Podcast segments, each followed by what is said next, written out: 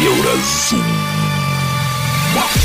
Самая еўрапейская праграма пра Беларусь. Вітаю, гэта праграма Еўразум. І самыя важныя падзеі сэнсы аўторка 26 верасня. Што не так з прэзідэнцтвам качанавай. Ну па-першае, яна дзеліць справы заняткі на мужчынскія жаночыя. Гэта вельмі несучасна. Навошта Лукашенку электоральная кампания? Кто еще может верить в то, что а, в этой стране и при этой системе и при э, Лукашенко возможны выборы? На грузавіках цэлымі сем'ямі жыхары нагорнага карабаху масава бягуць у арменію Есть люди, которые с- со своих КАМАЗов отвезли нас сюда. Вы на КАМАЗах ехали? Да. Весь ночь. До сюда? На До сюда, весь ночь. Пра гэта ды іншае больш падрабязна цягам бліжэйшай гадзіны. Еўразум жыві ў рытме Еўропы. Прэзідэнтам Беларусі павінен быць толькі мужчына. У гэтым перакананая галоўная прыхільніца Александра Лукашэнкі і старшыня Савета Рэспублікі па сумяшчальніцтву Наталля Качанова. такое ўражанне што чыноўніца якую называюць галоўнай прэтэндэнткай на прэзідэнцкі фатэль усімі сіламі спрабуе давесці што сядаць у яго не збіраецца таму лішні раз не прамінае пахваліць свайго кіраўніка Паслухаем, што яна распавяла ў эфіры дзяржканала. Говорят, что политика – это дело мужчин. А мужчины и женщины равны в политике или нет? Конечно, это мужское дело, несомненно. Но, вы знаете, э, политика – это сложное на самом деле э, дело, которым приходится заниматься и женщинам. И вот сейчас в современном мире все больше женщин занимаются политикой, в политике. И мне кажется, это правомерно, это правильно. Может ли женщина стать президентом? Есть женщины, которые э, президенты сегодня страны, но все зависит от того, какая это страна и какие задачи решаются в этой стране. И тогда, когда э, каждая женщина, беря на себя такую ответственность, должна понимать, что ты отвечаешь за страну, за народ, и ты должна сделать все для того, чтобы в этой стране был мир, спокойствие, и люди жили комфортно. Если брать нашу страну, то я считаю, что, конечно, э, мужчина должен быть во власти, возглавлять э, страну. Почему? Потому что у нас, знаете, президент это не просто представительские функции, у нас это кропотливая ежедневная, ежесекундная работа, забота о людях, о человеке, и поэтому, конечно, это очень сложно.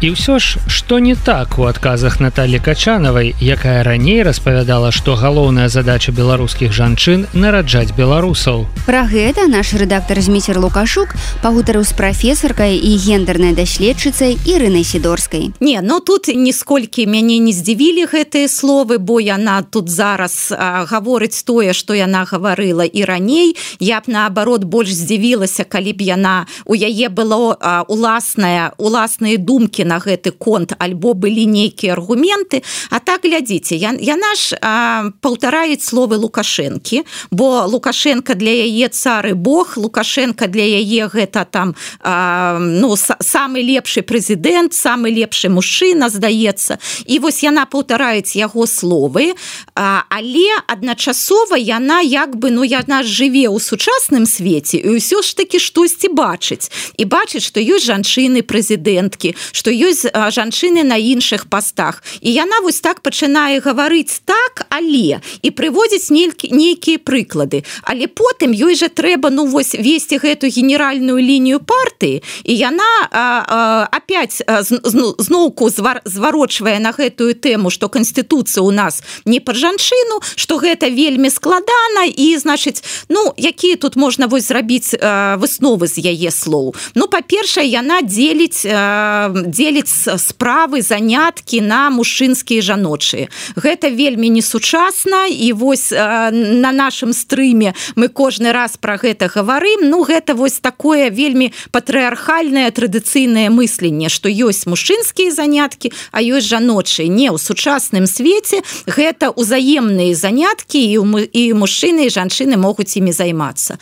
Ну а по-другое ну яна вось яшчэ раз яна показывае сваю уласную не самастойнасць вось яна як быццам палітык але на самой справе яна толькі для таго каб паўтараць словы лукашэнкі каб трансляваць іх. Ну вось яна такая пасярэдніца можа паміж лукашэнкам вось які так нейкі ісціны дае і народам да якіх яна гэты ісціны даводзіць. А вось нічога свайго сваіх сваёй уласнай свайго уласнага пункту гледжання там сваіх уласных аргументаў яе няма.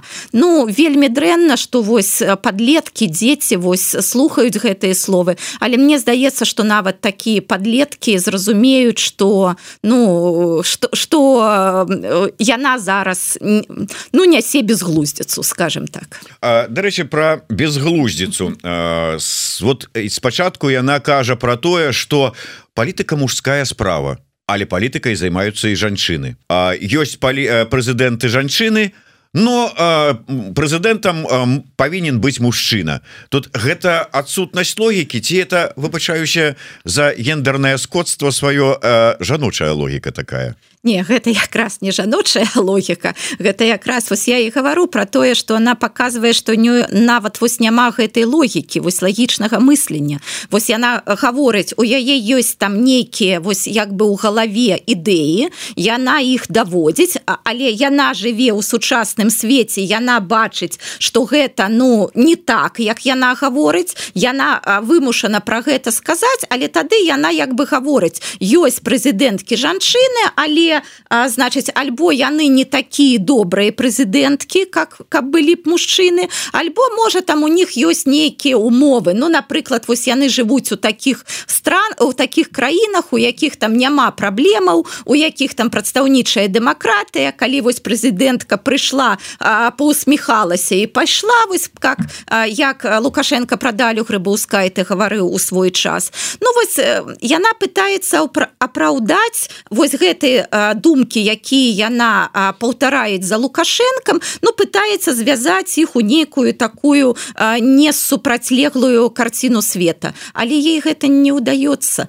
мы ж гаварылі яна ж такая ну не вельмі адукаваная і не вельмі дасведчаная наогул. Так это ж можа быть просто прадукт свайго часу. Дзе ўяўленне про тое что сістэма мусіць працаваць так что калі ты кіраўнік то асабліва кіраўнік краіны то ты павінен вырашаць усё пачынаючы ад знешняй палітыкі унутранай палітыкі да кіравання тым як мыць абасраных кароў і выкапываць бульбу так так згодная з вами гэта вось та модель ручнога кіравання якім займаецца лукашенко альбо хоча займацца. Ну гэта безумоўна неэфектыўная модель не сучасная модель але качанова іншых не бачыла. І вось для яе тое что робіць лукашенко гэта тое як і павінна ну як павінна развівацца держава як павінны рабіць кіраўнікі. Это вось калі ты сядзіш у гэтай крэпасці і вакол цябе ворагі ты не можаш пара параўнаць як робяць гэта іншыя народы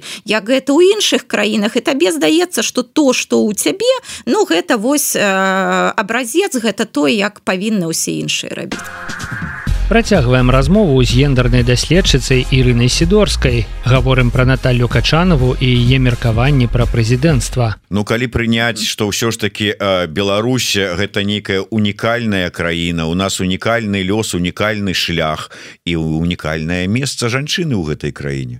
Вот такое, якое, якой вот і Качанова я апісала не не безумоўна большасць беларускіх жанчын не хочуць быць на месцы качанавай і не ўспрымаюць яе карціну света. І вось яшчэ раз тое что яна на версіі яна як бы ну мае магчымасць трансляваць свае погляды я быццам гэта беларускія погляды. Але гэта не так гэта погляды вось гэтай невялікай кубкі людзей якія вось і атаясамліваюць сабой рэжым лукашэнкі і яшчэ раз гэта вельмі несучасныя гэта вельмі непрасунутыя людзі якія вось нават не саромеюцца такія вось страшэнныя погляды трансляваць і на ўсю краіну і праз медыя Ну і может быть на завершэнне гэтай тэмы. А ці як вот вы думаете? Ну вот мы такую зробім гендерна-паліталагічную такі аналіз паспрабуем зрабіць. Калі такое бачанне у качанавай вот ролі жанчыны з пункту гледжання прэзідэнцтва А яе шмат хто кажа Ну і прынцыпе по канстытуцыі. Яна адна з тых людзей хто у выпадку чаго мусіць узяць на сябе ролю адказнай за краіну. Яна что адмовіцца? Скажа я ж жанчына я не могу Ну вось я якраз подумала асабліва вось калі успомніла что зусім нядаўна Вадзім прокоф'ев даў інтэрв'ю ідзе ён зрабіў якраз стаўку на качанаву як пераемніцу лукашэнкі можа яна зараз вось якраз хоча паказаць э, Александру рыгоровичу что яна ні ў якім разе не прэтэндуе на гэтае месца что яна ведае хто на самой справе павінен быць прэзідэнтам і вось можа гэтыя словы не да гэтай дзяўчынкі не да нас усіх а гэта можа слово словы да Александра Рыгоровича каб показаць что яна як была лояльна так яму і застаецца. Але калі глядзіце калі вось яна ж яна ж нават не асоба яна вінцік у гэтай сістэме. І калі сістэма ёй скажа что вось яна павінна заняць нейкае месца яна гэтае месца зойме. Тут у мяне ну як бы у гэтым я упэўнена А вот тут вот сапраўды вельмі такі дзіўны падыход. Ну смысле дзіўнае бачанне погляд на эту сітуацыю что сапраўды уже про качанаву як магчымую пераемніцу гавораць ужо не першы раз. не першы раз. І хтосьці мог падумаць что Можа яна і не хацела але зараз вот кажуць у яе прачнуцца амбіцыі і што ад яе чакаць А яна разумеючы гэта як що ўсё ж таки чалавек які там круціцца ў гэтым усім яна вырашыла как бы так на апережэнне спрацаваць і адмазацца. Не не не не что вы что вы я ні ў якім разе я готов цалаваць песок по которому можа можа быть бываюць же артыкулы для аднаго чытача. Можа і гэтая перадача была таксама для аднаго чытача. І зараз і вось і мы сказали яшчэ со свайго боку что качанова з гэтым не справіцца. Ну можа там вось як бы ім стала лягчэй на самой справе мы думаем что справится. Так. я просто прыгадываю з гэтай ситуации там где-то на початку лета двадцатого года журналістаў незалежных тады яшчэ это было как бы нормально запрасілі на інтерв'ю до Макея. І я у Макея А тады таксама пачалі хадзіць чуткі что Мачыма хтосьці с вертыкальнай улады пойдзе на выборы і составіць добрую конкуренцию лукашенко. І чамусьці узгадывалася прозвішча Макея я ў Макея спытаўся ці ёсць яго прэзідэнцкія амбіцыі як ён збялеў як ён пачаў доўга расказваць про тое что ні ў якім разе у яго ніякіх прэзідэнцкіх амбіцый няма так і ўскачанаваю тое ж самае можа быць цалкам з вами згодны. З гендернай даследчыцай Ірыны сідорскай мы сёння абмяркоўвалі словы Наталлі качанавай пра прэзідэнцтва. Еўразум. Беларусь у еўрапейскім фокусе Далей у праграме Еўразум. Навошта Лукашенку электоральная кампания? Кто еще может верить в то, что а, в этой стране и при этой системе и при э, Лукашенко возможны выборы? На грузовиках целыми семьями жыхары Нагорного Карабаху массово бегут в Армению. Есть люди, которые со своих КАМАЗов отвезли нас сюда. Вы на КАМАЗах ехали? Да. Весь ночь. До сюда? До сюда, весь ночь. Сустрэнемся пасля навінаў спорту.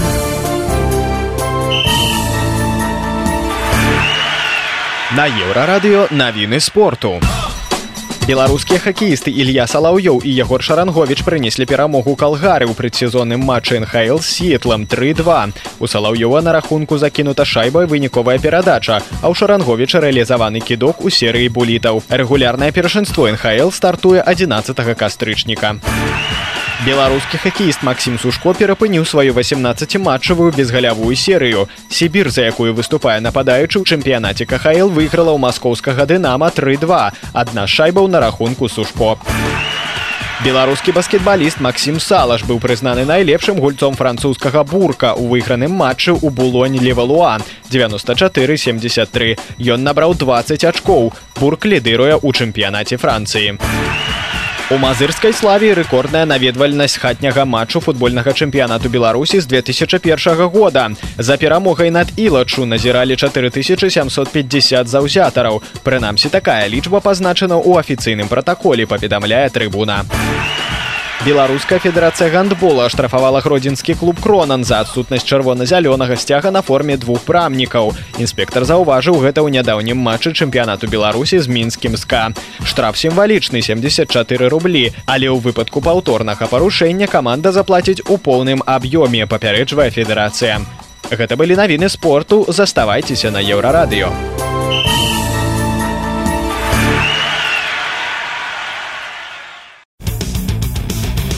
Еўразум жыві ў рытме Еўропы. Лукашенко ўсё часцей згадвае пра надыходзячую электаральную кампанію. Напрыклад, днямі ён распавёў старшыням выканкамаў, што на выбары яны мусіць вылучыць патрыётаў і прафесіяналаў.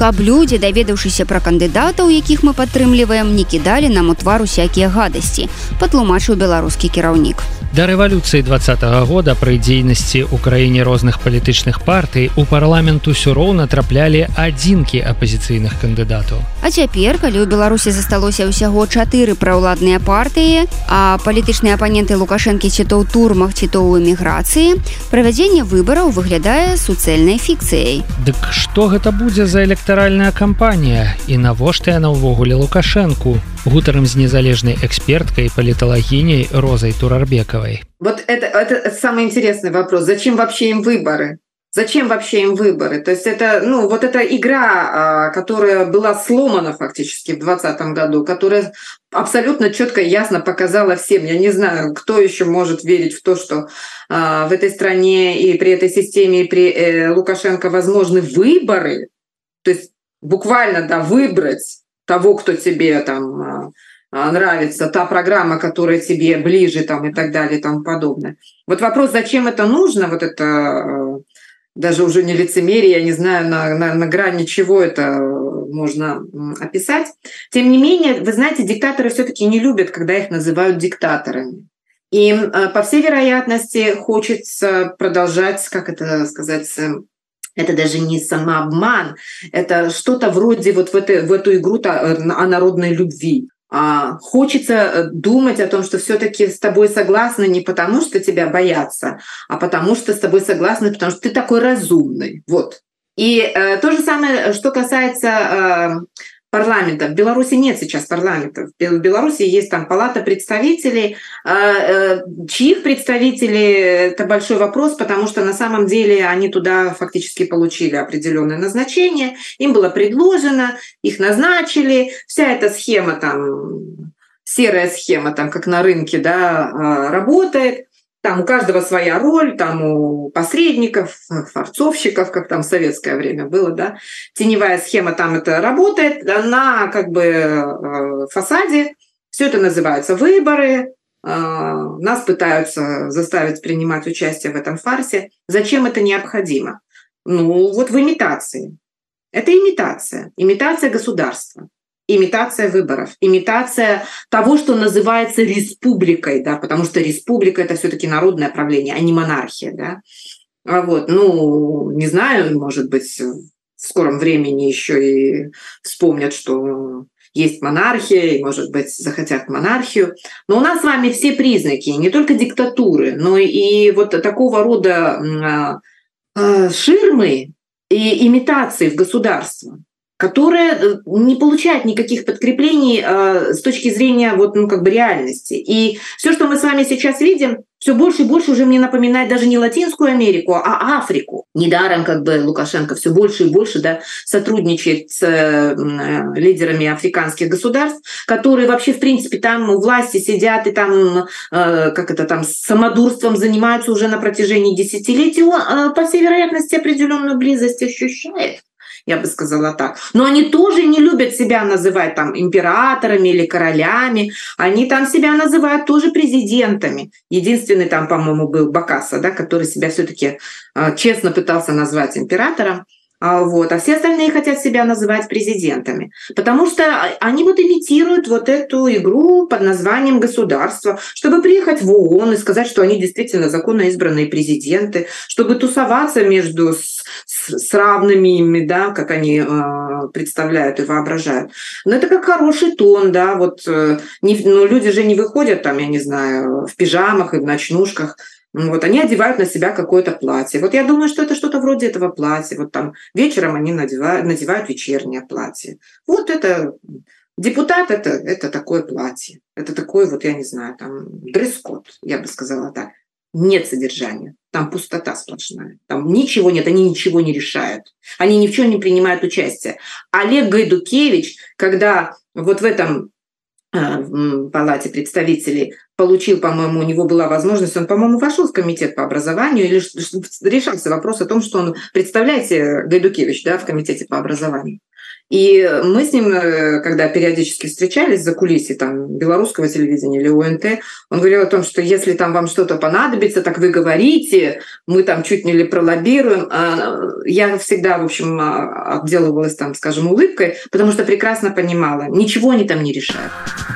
Нягледзячы на тое, што Лукашенко і дапамагатыя шмат разоў заяўлялі, што яны перамаглі незадаволенае грамадства на выбарах два -го года, зачысткі ўсяго хоць крыху незалежнага працягваюцца дагэтуль. Напрыклад, цяпер ліквідуецца грамадскае аб'яднанне дзеці Чарнобыля, апошняя апазіцыйная партыя справядлівы свет і нікому невядомы дабрачынны фонд Івана рускага. Дык што рэжым па-ранейшаму адчувае для сябе небяспеку, нават праз тры гады працягвае розы Турарбекова? Думаю, что да.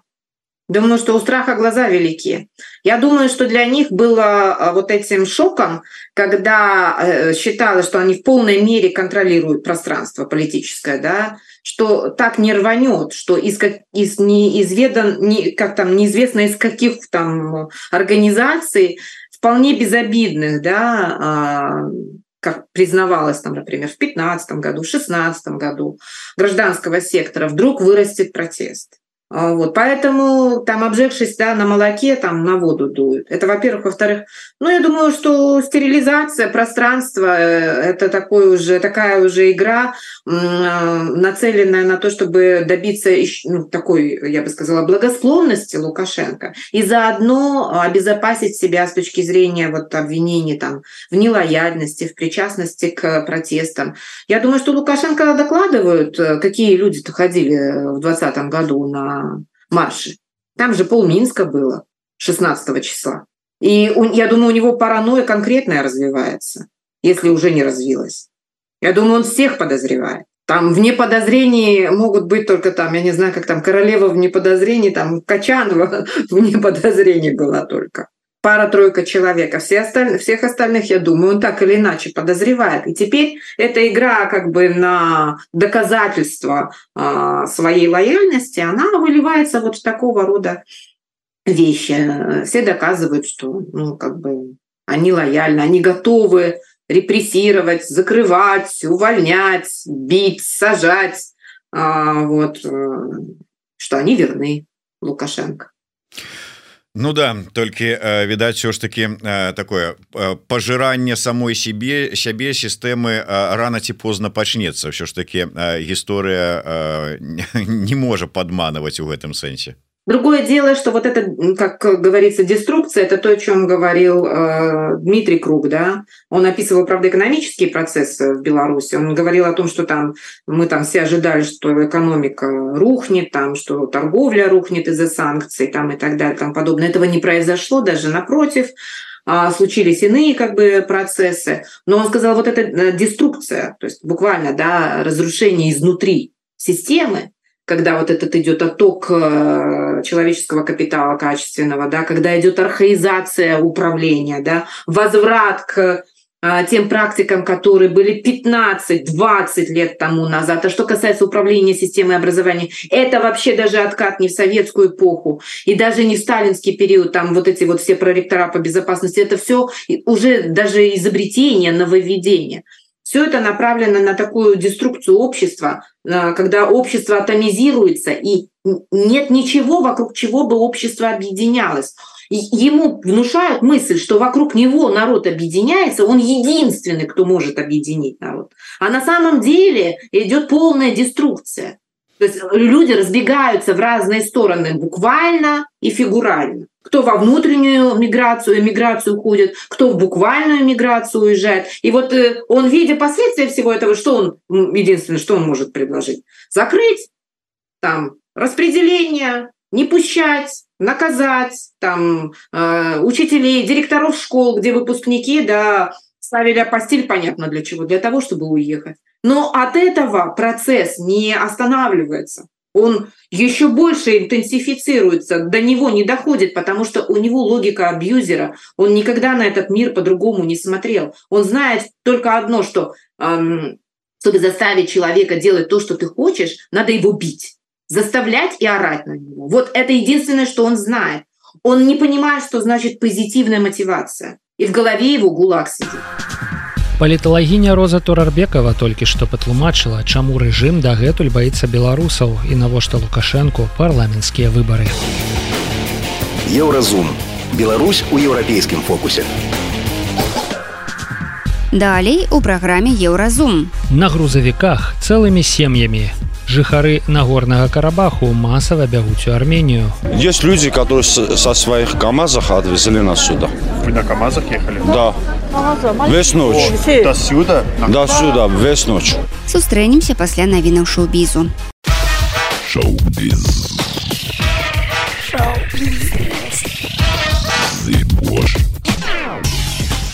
Навіны шоу-бізу на еўрарадыё. Пасля каласальных 146 дзён страйку чальцы гільды пісьменнікаў Амерыкі заключылі папярэдняе пагадненне з альянсам кіна і тэлевізійных прадюсараў камітэт перамоваў гільды пісьменнікаў у лісце сябрам аб'яднання распавядае што гэтая здзелка з'яўляецца выключнай са значнымі перавагамі абаронай для пісьменнікаў і сцэнарыстаў ва ўсіх сектарах чальцы гільды паспяшаліся пахваліць прынятае пагадненне але лічуць галоўным дачакацца фінальнай дамовы 5 кастрычніка ў празе адбудзецца адкрыццё персанальнай выставы беларускай мастачкі цемры под назвай лазарет паведамляе рэформбай раней яна экспанавалася ў варшаве ў музеі вольнай беларусі проект будзе дапоўнены новымі творамі і прадстаўлены ў абноўленай форме цемра гэта мастачка чый жыццёвы творчы шлях быў закрануты масавымі пратэстамі рэпрэсіямі ў беларусі у 2021 годзе творца была вымушаная пакінуць радзіму праз пагрозу палітычнага пераследу з боку уладаў у У верасні кастрычніку па-за межамі Беларусі адбудзецца фестываль інтэлектуальнай кнігі пра адмова. Гэта фэст аўтараў, рэдактараў, выдаўцоў, музыкаў, дызайнераў і ўсіх, чыё жыццё звязана з літаратурай і выдавецкай дзейнасцю. Падзея ў гэтым годзе пройдзе ў фармаце уикенд фестываляў адразу ў чатырох гарадах. Першым будзе батумі 30 верасня і першага кастрычніка. Фестываль у варшаве і вільнюсе адбудзецца ў кожныя наступныя выходныя адпаведна. Фінальная прадмова сёлета пройдзе ў беластоку 28 і 29 кастрычніка. Гэта былі навіны шоу-бізу, заставайцеся на еўрарадыё. Еўразум. Беларусь у еўрапейскім фокусе. Уначы 26 верасня ў нагорным карабаху здарыўся выбух на аўтазапраўцы.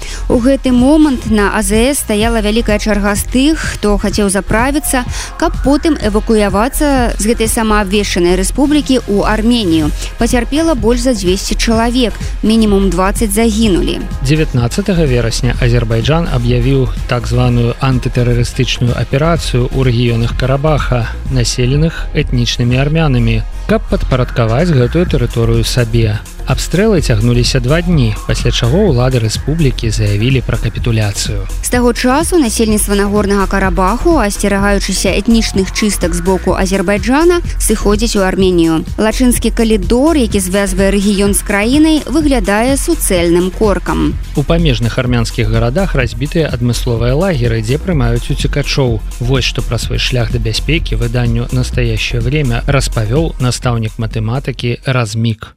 Есть люди, которые со своих КАМАЗах отвезли нас сюда. Вы на КАМАЗах ехали? Да. Весь ночь. До сюда? До сюда, весь ночь.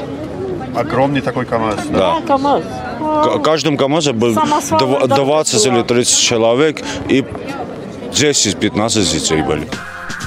Па словах прэм'ера Нікола Пашыняна, Арменія гатовая размясціць у сябе на тэрыторыі 40 тысяч уцікачоў, бо ў іншым выпадку краіна сутыкнецца з гуманітарнай катастрофай. Аднак улады непрызнанага карабаху заявілі, што ўсе 120 тысяч армянаў арцаху збіраюцца эвакуявацца, бо не хочуць жыць пад уладай баку.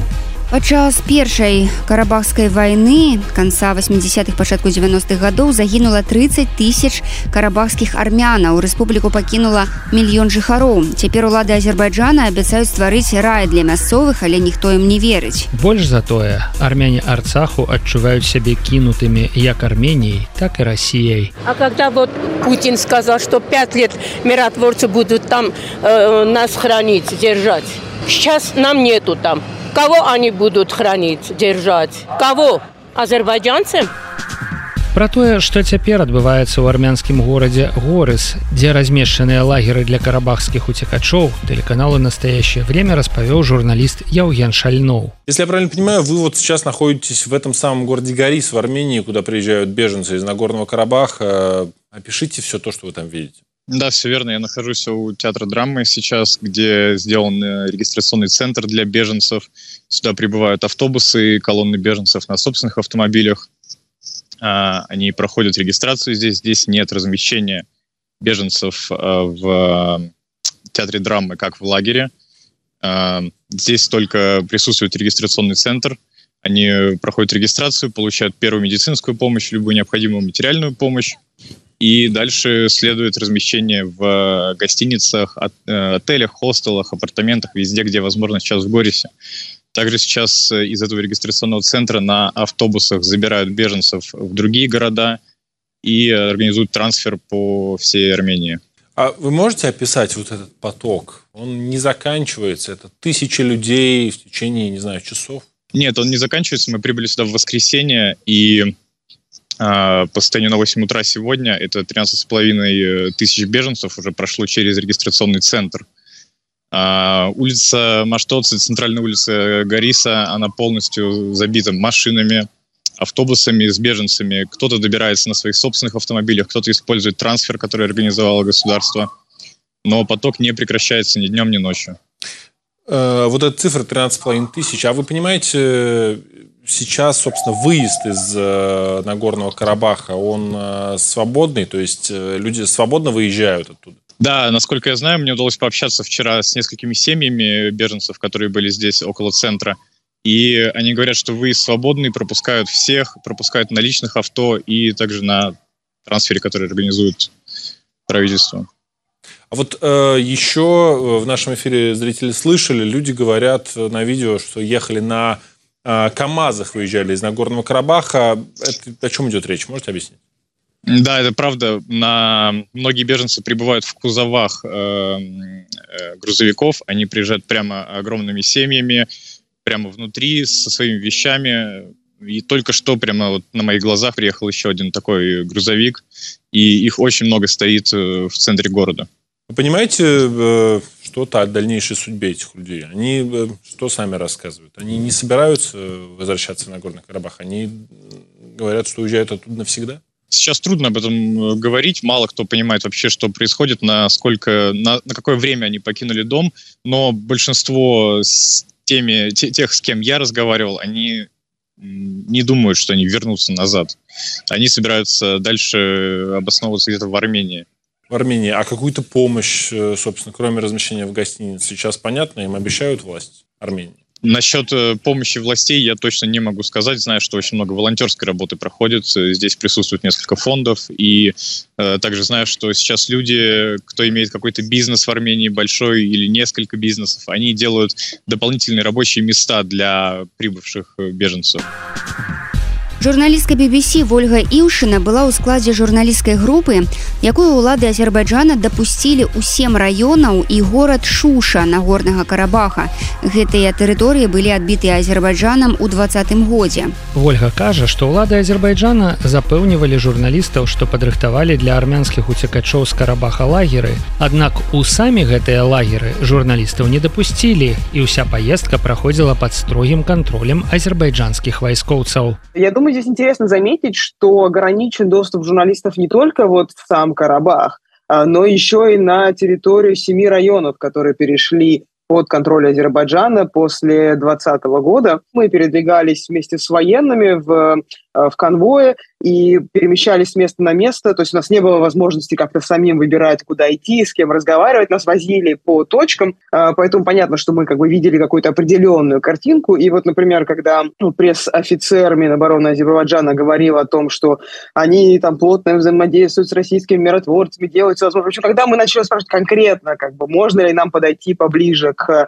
Степанакерту, который азербайджанская страна называет Ханкинди, можно ли нам э, увидеть, например, вот он сообщил нам, что создано несколько, развернуто несколько палаточных лагерей для беженцев, что вот все готово принять.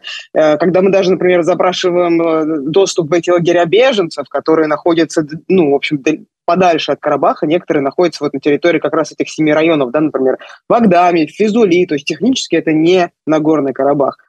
Доступа туда нет, и я думаю, этот факт, ну, о многом говорит сам за себя. Нарэшце нагадаем, што большая частка жыхароў нагорнага карабаху этнічныя армяне. Гэтая тэрыторыя гістарычная частка Арменіі, якая ў 1921 годзе была перададзеная Азербайджану савецкімі ўладамі. Карабахскія армяне да апошняга змагаліся за сваю годнасць і незалежнасць за ўз'яднанне з Арменіі. Але як бачым, гісторыя гэтай самаабвешчанай краіны заканчваецца на нашых вачах. Еўразум. Беларусь у еўрапейскім фокусе. Гэта была праграма Еўразум, штодзённы інфармацыйны падкаст еўрарадыё. Кожны дзень мы распавядаем пра самыя галоўныя навіны Беларусі і свету. А сённяшні выпуск скончаны. Беражыце сябе. Пачуемся.